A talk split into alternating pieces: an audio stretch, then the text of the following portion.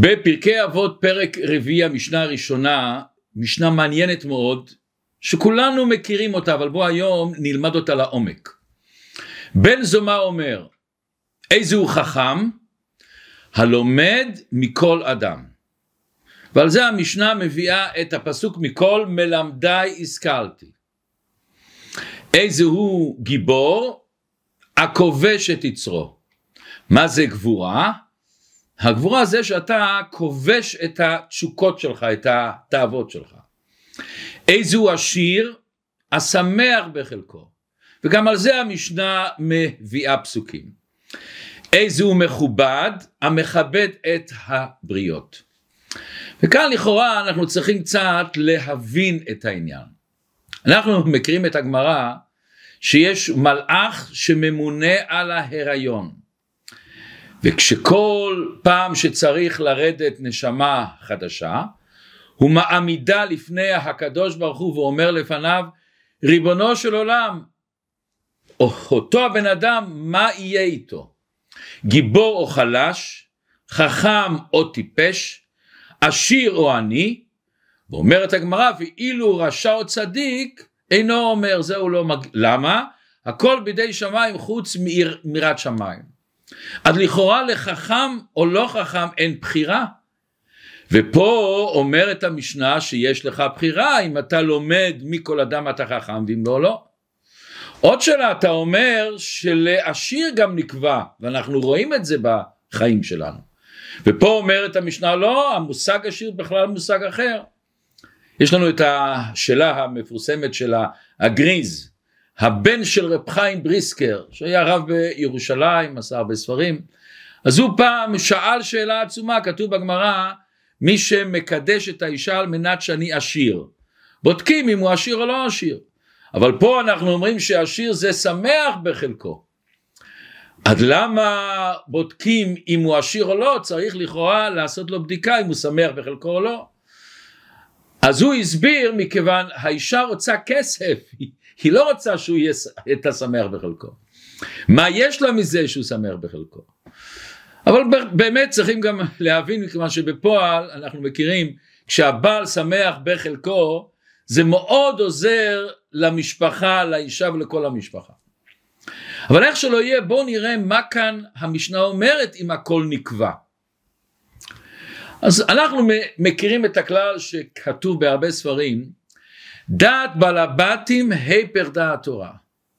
זאת אומרת מה זה דעת בעל הבתים? בן אדם ששקוע בעולם הזה ההשגות שלו התפיסה שלו גם שהוא לומד תורה אבל ה, במה הוא חי בענייני הגשמיות בענייני העולם הזה רואים שזה היפר דעת תורה בואו נראה למשל דוגמה אחת מאוד פשוטה מה הדין אם הבן שלי מזיק למישהו אחר אז על פי השכל הבן שלי הזיק וכמו להבדיל הסוס הפרה הזיקו אז אני, אני הבעל הבית. על פי תורה לא. מכיוון על פי תורה הסוס שלי הפרה שלי הם רכוש הילד הוא לא רכוש שלי הוא בפני עצמו. אז בעצם מצד דין תורה אם הבן שלי הזיק או בן של מישהו הזיק ההורים לא חייבים לשלם. אז דעת בעל הבתים היפך דעת תורה וזה מה שהמשנה פה רוצה להגיד לנו מושג אחר לגמרי, שיכול לשנות לנו את כל החיים, מה זה חכם, מה זה גיבור, מה זה עשיר ומה זה אדם מכובד.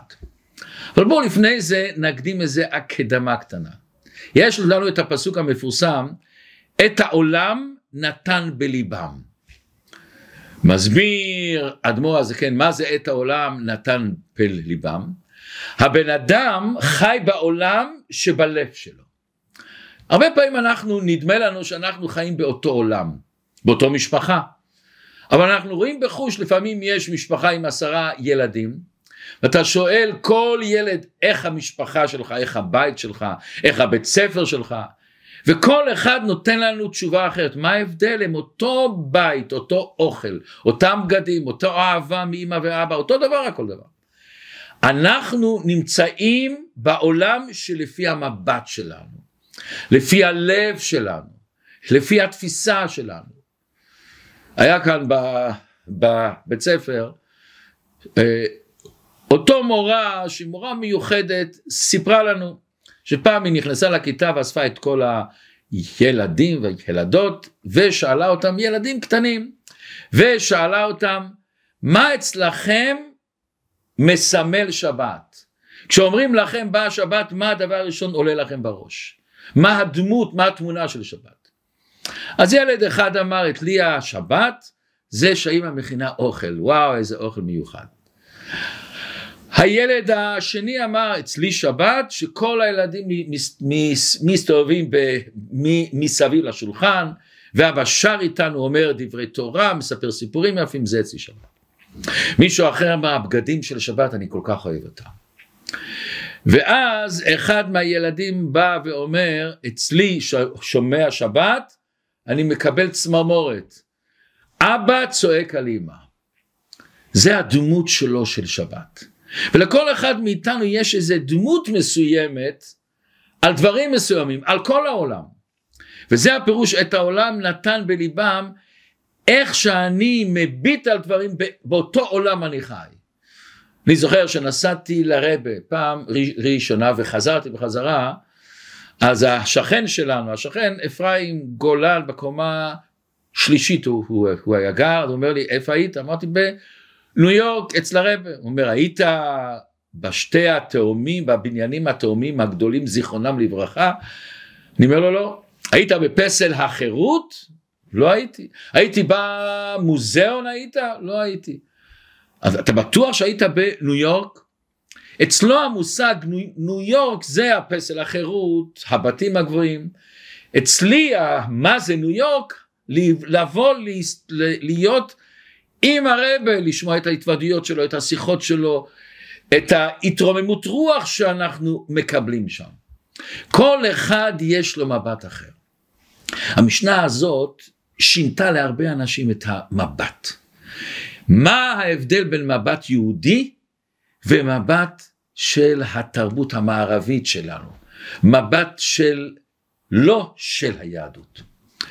כזאת אה, בדיחה מספרים שפעם בבית ספר רוסי היה ילד יהודי אחד ואז המורה להיסטוריה עושה להם בחינה והיא שואלת אותה מה היה בשנת 1700 והם הם, הם עונים או שהיא עונה מה היה ב-1760 1750 ואז היא שואלת מה היה ב-1799? ואז הילד היהודי אומר בעל התניא אדמו"ר הזקן יצא מהבית סוהר יצא לחירות. האמת שזה לא מדויק, הוא בעצם הזמן שבעל התניא השתחרר זה היה 1798, אבל הוא טעה בין 98 ל-99. ואז המורה צועקת עליו, מה אתה מדבר שטויות, מי מדבר על בעל התניא הזה? פושקין, פושקין, אחד מהמשוררים הגדולים הרוסים, נולד ב-1799. בסדר? ואז המורה המשיכה לה, מה קרה ב-1800, 1800, ממשיכה, ממשיכה, ממשיכה. ואז היא אומרת מה קרה ב-1812 אז הילד אומר או בר מצווה לפושקין בר מצווה לפושקין זה מבט יהודי. אצלו מה קרה אחרי 13 שנה? זה הובן הבר מצווה שלו. המשנה הזאת נותנת לנו מה זה מבט יהודי. ובואו נראה. כשאני שואל בן אדם מי אתה? או שאני שואל את עצמי מי אני? מבט מערבי זה מה יש לי. איזה בית איזה סייף, איזה מכונית, איזה חשבון בבנק, איזה עסק יש לי, זה מה יש לי, ולא מי אני זה אצלי מה יש לי. המבט היהודי זה לגמרי אחרת.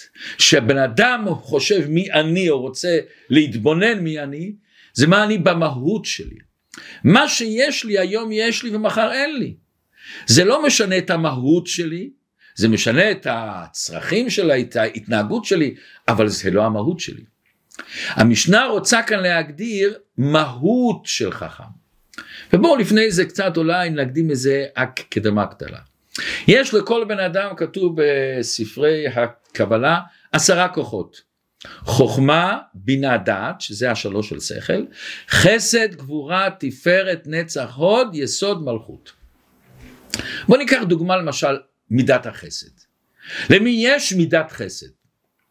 אז מה זה נקרא בתרבות המערבית? מי שנתן מאה אלף יורו, מיליון יורו, הוא בעל חסד.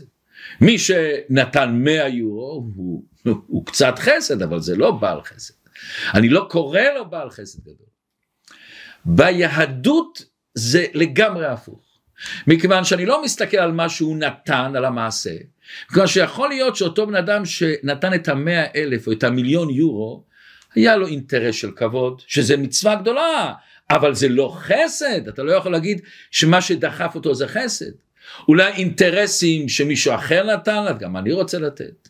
אולי אינטרסים שעל ידי זה אני אקבל התייחסות אחרת. העסקים שלי יותר יכולים להצליח. ביהדות מידת החסד זה המידה, ההרגשה, מה דוחף אותך לחסד. יכול להיות שבן אדם הזה שנתן את המאה יורו, הוא יותר בעל חסד מצד מידת חסד, מי שהביא מאה אלף יורו או מיליון יורו. במידת חסד לא קובע מה נתת, קובע המידה שלך. איך פעם הרב אמר לאחד ככה, שמעתי אחד החסידים העשירים, הוא נכנס לרב ואמר לרב אני מחלק הרבה צדקה, מתי מתחיל אצלי צדקה? אמר לו הרב, כשכואב לך אז מתחיל הצדקה. מה זאת אומרת? שמידת החסד יכולה להתגבר על מידות אחרות ואתה מרגיש שאתה צריך לוותר על הרגשות אחרות, על אגו, על תאוות אחרות, זה מידת חסד. חסד זה תנועה בנפש. שואלת המשנה, מה התנועה של חכם? האם חכם נקרא מי שיש לו הרבה ידיעות? הוא מוכשר, יש לו ראש טוב, הוא זוכר המון דברים? הוא אנציקלופדיה מהלכת? מה המידה של חוכמה? זה לא מה שיש לו בראש, זה יש לי, אבל זה לא אומר שאני חכם. מה מאפיין את זה שאני חכם? איזה תנועה בנפש יש לחכם שזה מגדיר אותו לחכם. אומרת המשנה, איזה הוא חכם? הלומד מכל אדם. הוא צמא ללמוד, הוא מעוניין ללמוד. כשהוא לומד, נקלט לו הלימוד בלב שלו, אולי הוא לא קולט. הוא לעולם לא שבע מללמוד.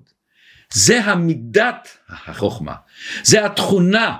הוא כל הזמן, מכל דבר הוא חושב, מה למדתי מזה? מה לקחתי מזה? מה זה שינה אצלי בהתנהגות שלי, בתפיסה שלי, בחיים שלי, במבט? אנחנו נמצאים בספירת העומר. רבי עקיבא באותו תקופה נפטרו לו 24 אלף תלמידים. מתחילים להתבונן, זה קטסטרופה.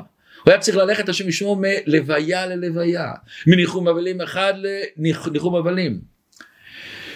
נגמרה המגפה. מה עושה בן אדם שנפטרו לו 24 אלף תלמידים שלא נהגו כבוד זה בזה שאולי רבי עקיבא באיזשהו מקום חשב אולי לי יש בזה איזה חס ושלום איזה חלק קטן. מה הוא עושה? הוא עשה תשובה, הוא התחיל לפשפש במעשיו, הוא הלך אה, לנחם את האבלים. אומרת הגמרא, הוא מיד הלך להקים ישיבה חדשה. הוא לקח חמישה, שבעה תלמידים, והקים ישיבה חדשה. מה זה אומר לנו? הלומד מכל אדם, מכל מאורע. נפטרו 24 אלף תלמידים, איך התורה ממשיכה עכשיו? איך המסורת של עם ישראל, איך המשה קיבל תורה מסיני ומסרה ליהושע, איך זה ממשיך? מיד הוא, הוא מה, מה החוכמה שלו הייתה לא להסתגר בעצמו, לחשוב על הכאב שלו, איך, איך, אני, איך אני אעשה צומות, איך אני אעשה להם דברים, איך אני ממשיך את התורה, זה נקרא ללמוד. לכן נקרא אצלנו בתורה תלמיד חכם, נורא מעניין, מה זה תלמיד חכם? חכם, לא. ההגדרה של חכם שהוא תלמיד, הוא, הוא מרגיש כל דבר שהוא לימד אותו. יש סיפור מעניין מאוד. הרב של אנטוורפ לפני הרבה שנים היה הרב חיים קרייזווירט, רב מפורסם, בקיא בתורה. ולפני שהוא בא לאנטוורפ הוא היה ראש ישיבה ורב בשיקגו. והיה לו תלמיד שעשה אצלו סמיכה לרבנות. אבל אותו התלמיד אחרי זה בשלב מסוים הלך לאוניברסיטה, למד להיות עורך דין וירד מהדרך. רב קרייזווירט שמע את זה, שלח לו מכתב, אני מבטל את הסמיכה לרבנות שנתתי לך. אותו העורך דין לא התבייש וקרא את הרב קרייזברט לבית משפט של, של הגוי. הוא אומר קיבלתי דיפלומה, קיבלתי תעודה. מה זאת אומרת עשו לי בחינה, אני יודע את החומר, מה זאת אומרת שהוא מבטל לי את התעודה שלי, את הדיפלומה שלי. ואז הלכו לרב קרייס, אמרו לו בוא נשיג לך איזה עורך דין, הוא אומר לא צריך עורך דין, אני אם ירצה השם הולך לבד ובעזרת השם אני אסתדר. והלך. הלך והשופט שומע בהתחלה את, ה, את העורך דין, מה זאת אומרת, הוא מבטל לי את התעודה, ואז אמר הרב קרייזווירט, אני רוצה לה, להסביר משהו. סמיכה זה לא סתם תעודה.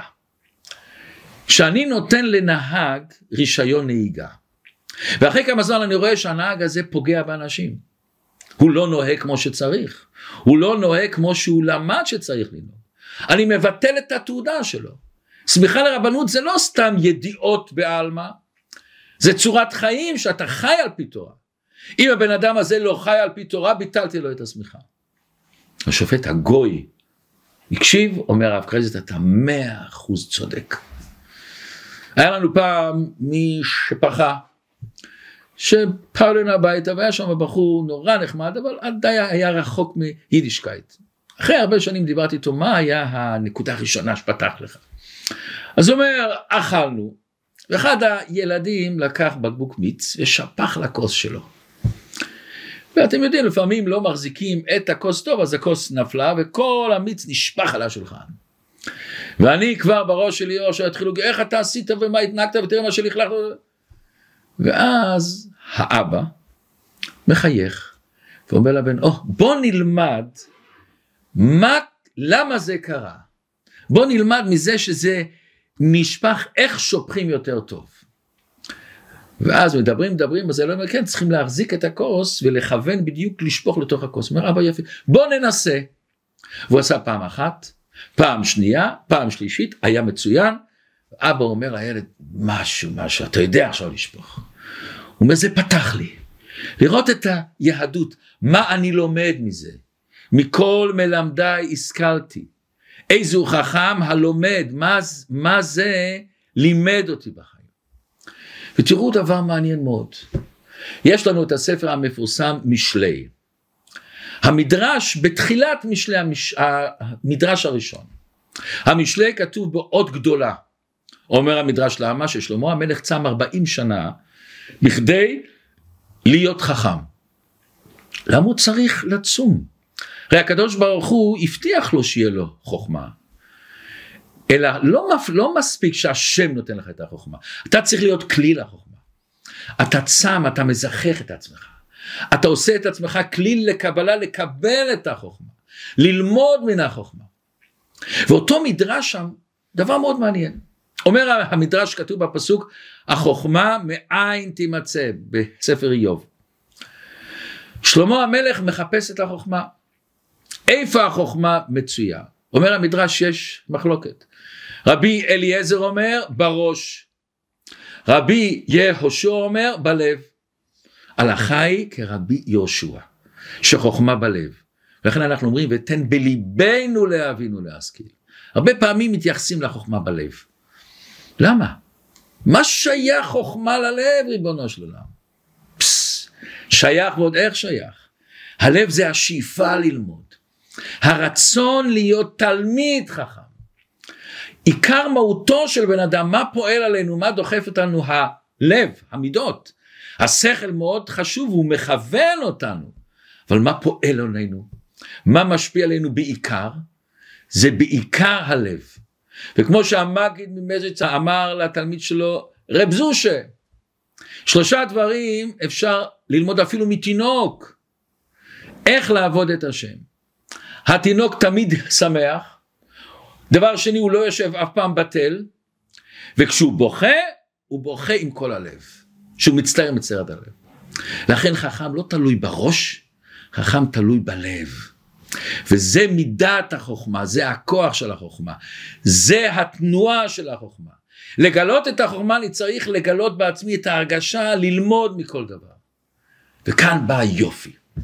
אנשים אומרים אני לא חכם, מה אני יכול לעשות אני לא חכם? כך נולדתי, אין לי חושים. באה היהדות אומרת חוכמה זה מידה שכל אחד יכול לקבל אותה. ומצד שני יכול להיות שיהיה לך ראש נפלא ואין לך חוכמה. אם אין לך את הצמאון הזה, אם אין לך את המניע בלב הזה, לא רק אינטלקטואלי להבין שכל, מה זה פועל בי, מה אני למדתי מזה, מה זה שינה את החיים שלי, החוכמה שיש לי. ואפילו החוכמה שלי קטנה, אבל החוכמה הזאת שינתה לי, פס, זה אתה חכם. וממשיכה המשנה עוד דבר נפלא. מה זה גיבור? אנחנו מדברים מה זה הגיבור, זה שיותר חזק מהשני. זה שהשני יותר חלש ממנו, מצליח להוריד אותו. זה גבורה, ריבונו של עולם. זה גבורה. אנחנו יכולים להיות גיבורים עצומים להוריד את הנשים, אבל אנחנו בתוך תוכנו חלשושים, חלשים מאוד מאוד מאוד. מספרים על אלכסנדר מוקדון, שהיה פתוח עם האנשים מסביבו, הפעם הביאו לו מרק, ולא טיבלו אותו טוב, אולי פחות מלח, יותר מלח. אז הוא מאוד כעס, לקח את הצלחת מרק וזרק אותה. אמר לו אחד הקרובים אליו, אלכסנדר, אתה כובש את כל העולם, צלחת מרק אתה לא מסוגל לכבוש, צלחת מרק קטנה אתה לא מסוגל לכבוש. גבורה זה גבורה פנימית. לכן יהודה, למה הוא זכה במלוכה? שהוא שלט על עצמו.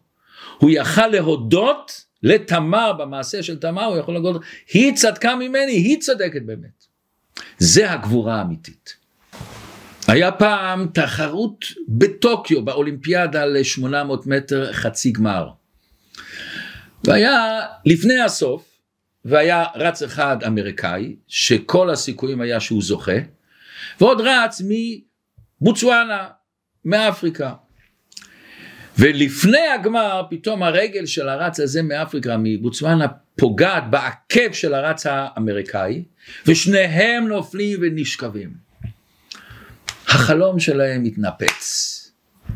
האמריקאי קם ראשון, והתנועה הראשונה היה כעס, למה הוא בעט בי? למה הוא זרק אותי? למה בגללו אני אפסיד?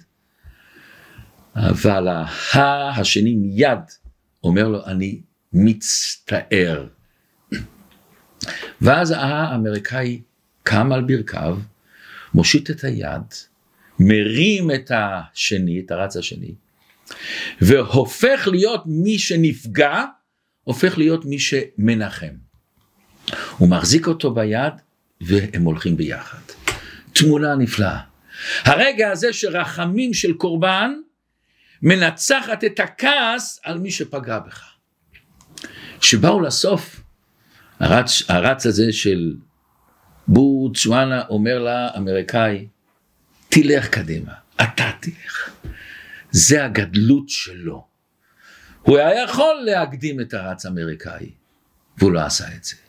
כיוון שזה גבורה, הגבורה הגדולה היא כמה שאני יכול להתמודד עם עצמי, עם המידות שלי, עם התאוות שלי. מספרים על הרבי מצאנז, שהוא אמר, כשהייתי צעיר חשבתי לכבוש את כל העולם.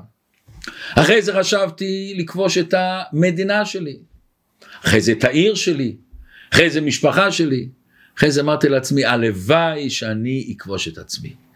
הלוואי שאני אצליח לזכך את עצמי. ופה יש עוד נקודה מעניינת מאוד. בא השלב השלישי של המשנה. השיר, איזו השיר? אנחנו, התרבות שלנו אומרת השיר שיש לך הרבה כסף. ואז אין לך בחירה, נקבע לך אם תהיה או לא נקבע. והמשנה אומרת לא, לא, לא. איזו השיר השמח בחלקו. מה הפשט בחלקו? אז הפירוש הראשון הוא שלכל יהודי יש חלק אלוקה ממעל ממש, נשמה אלוקית. ואתה יכול לשמוח בחלק אלוקה, גם אם בחיים יש לך אתגרים וניסיונות ולא הולך כמו שאתה רוצה, את הנשמה אף אחד לא יכול לקחת ממך. את הקשר הזה אל הקדוש ברוך הוא, שזה הדבר הכי נפלא, הוא נצחי לעולם ועד, גם אחרי 120 שנה נשאר. זה איזו השיר השמח בחלקו בחלק אלוקה ממעל ממש. אבל יש פה עוד נקודה. כל אחד שבאנו לארץ ישראל, כל שבט קיבל אדמה. שבט שהיה גדול, קיבל אדמה יותר גדולה. חלק קטן יותר קטן. הקדוש ברוך הוא נותן לכל אחד אצלנו חלק בבירור של העולם. לכל אחד יש ניסיונות שלו, תכונות מיוחדות לו, משפחה שלו, בריאות שלו, הכל אתה מקבל חלק מסוים בעולם, ואין שתי חלקים אותו דבר. כל אחד, איך שאומרים, את הפקל שלו, את החבילה שלו הוא מקבל. וכל אחד צריך לברר את הבירור שלו. איזו עשיר השמח בחלקו. מה זה נקרא השמח בחלקו? אתה שמח בחלק, זה הבירור שלי, זה המטרה שלי, זה השליחות שלי, וזה אני צריך לעשות. וזה החלק שלי בפאזל, ובלי החלק שלי חסר בכל הפאזל. אומר הרבי מסלונים דבר נפלא. אומר הרבי מסלונים יש לנו בחיים המון מידות, המון מידות. מה המידה שהכי פותחת אותנו? מה המידה שהכי משנה אותנו? מה המידה שהיא מפתח לכל המידות? שהיא מדליקה אותנו ושמה אותנו בעולם אחר. אומר הרבי מסלונים, זה השמח בחלקו. השמח בחלקו פותח לך את החסד ואת הגבורה ואת התפארת ואת החוכמה ואת את כל המידות זה פותח. אתה המהות שלך משתנה. ואני חושב שכל אחד מאיתנו מרגיש את זה בנפש שלו.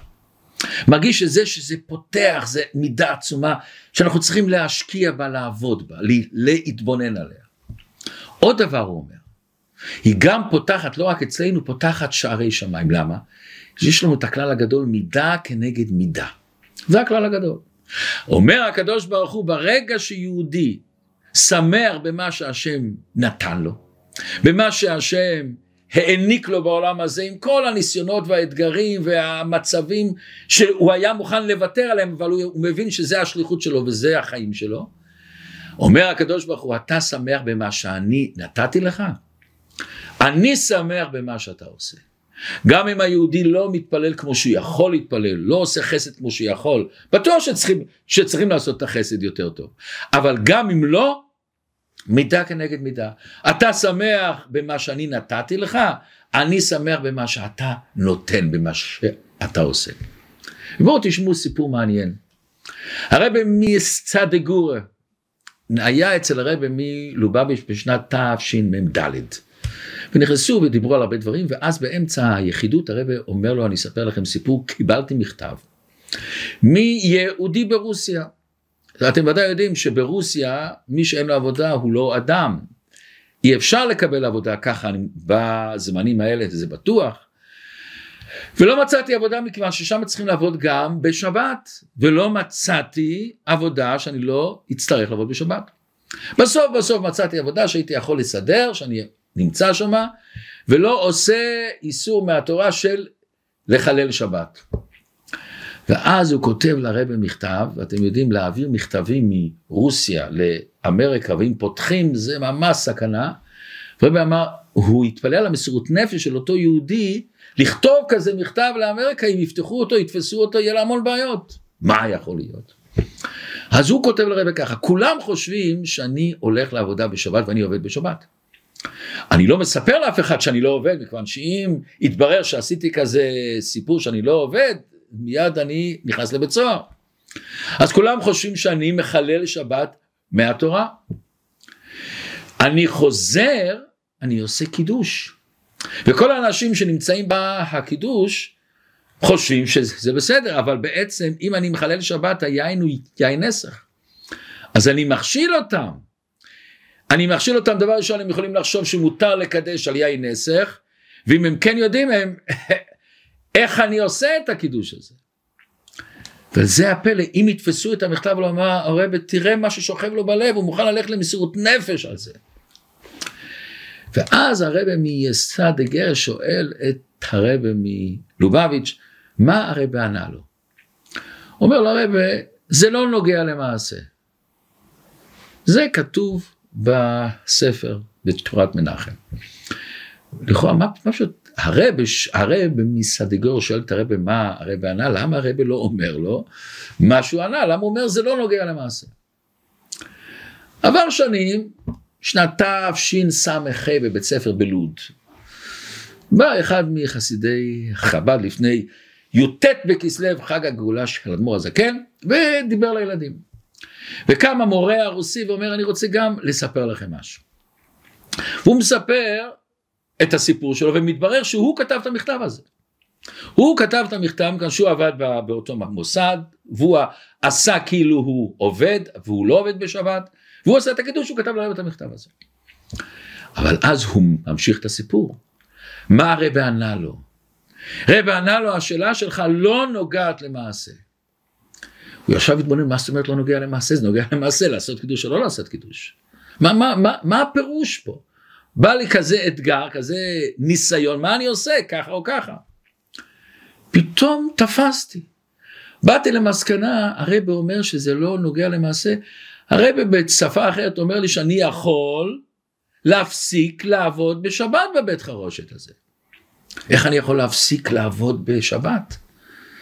קיבלתי אומץ, הלכתי למנהל עבודה ואמרתי לו תראה אני יהודי ואסור לי לעבוד בשבת אני רוצה לא לבוא לעבוד בשבת. הייתי בטוח שאני זורקים אותי לבית סוהר. יצא הנס והוא הרשה לי לא לעבוד בשבת אבל בתנאי שאני לא מפרסם. מה שהרבה אמר לרבה מסדיגורו לא נוגע למעשה זה התשובה של הרבה. מה הרבה ענה לו פה? הרבה ראה זה לא הניסיון שלך, זה לא החלק שלך, זה לא האתגרים שלך. לכן האתגר שלך היא לא כן לעשות קידוש או לא, האתגר שלך הוא ללכת לשני ולהגיד לו אני לא עובד בשבת. הדבר השלישי שהמשנה פותחת לנו את ה... הדבר הרביעי שהמשנה פותחת לנו את העיניים, מה זה כבוד? מה אצלנו מסתכלים על, על כבוד? שאנשים קמים אליי, שאנשים אה, נותנים להיכנס ראשון. אנחנו יודעים שזה כבוד מזויף. אנחנו יודעים כמה פעמים אנחנו נותנים את הכבוד ובפנים הלב אנחנו לא הכי מכבדים.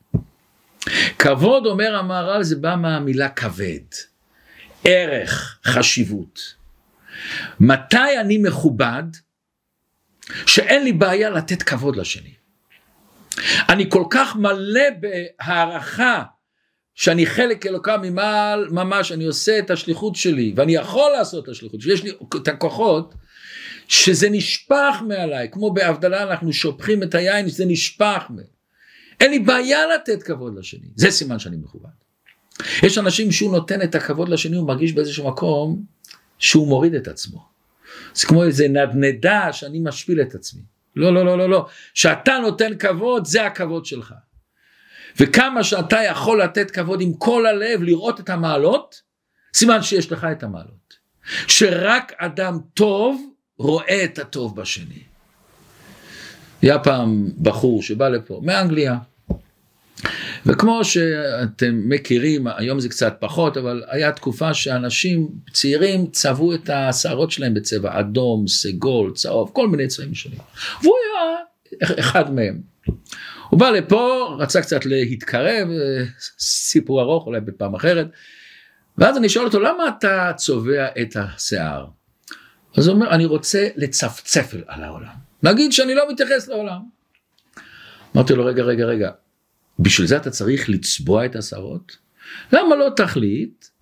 אני הולך ברחוב, אני מצפצף על העולם, אני לא מתייחס מה שזה אומר, מה שזה לא אכפת לי. היה שקט, ואז אני אומר לו, אולי משהו אחר. אולי אתה צובע את השיער בשביל למשוך תשומת לב. אולי מה שאתה עושה דברים שלא שגרתיים בכדי שאנשים יסתכלו עליך. אולי בתוך תוכתך אתה מרגיש ריקנות, אתה מרגיש שאין לך ערך, ואתה מחפש ערך חיצוני שאנשים מסתכלים עליך, ואנשים אפילו שואלים אותך מה זה, למה זה, או מסתכלים עליך משונים.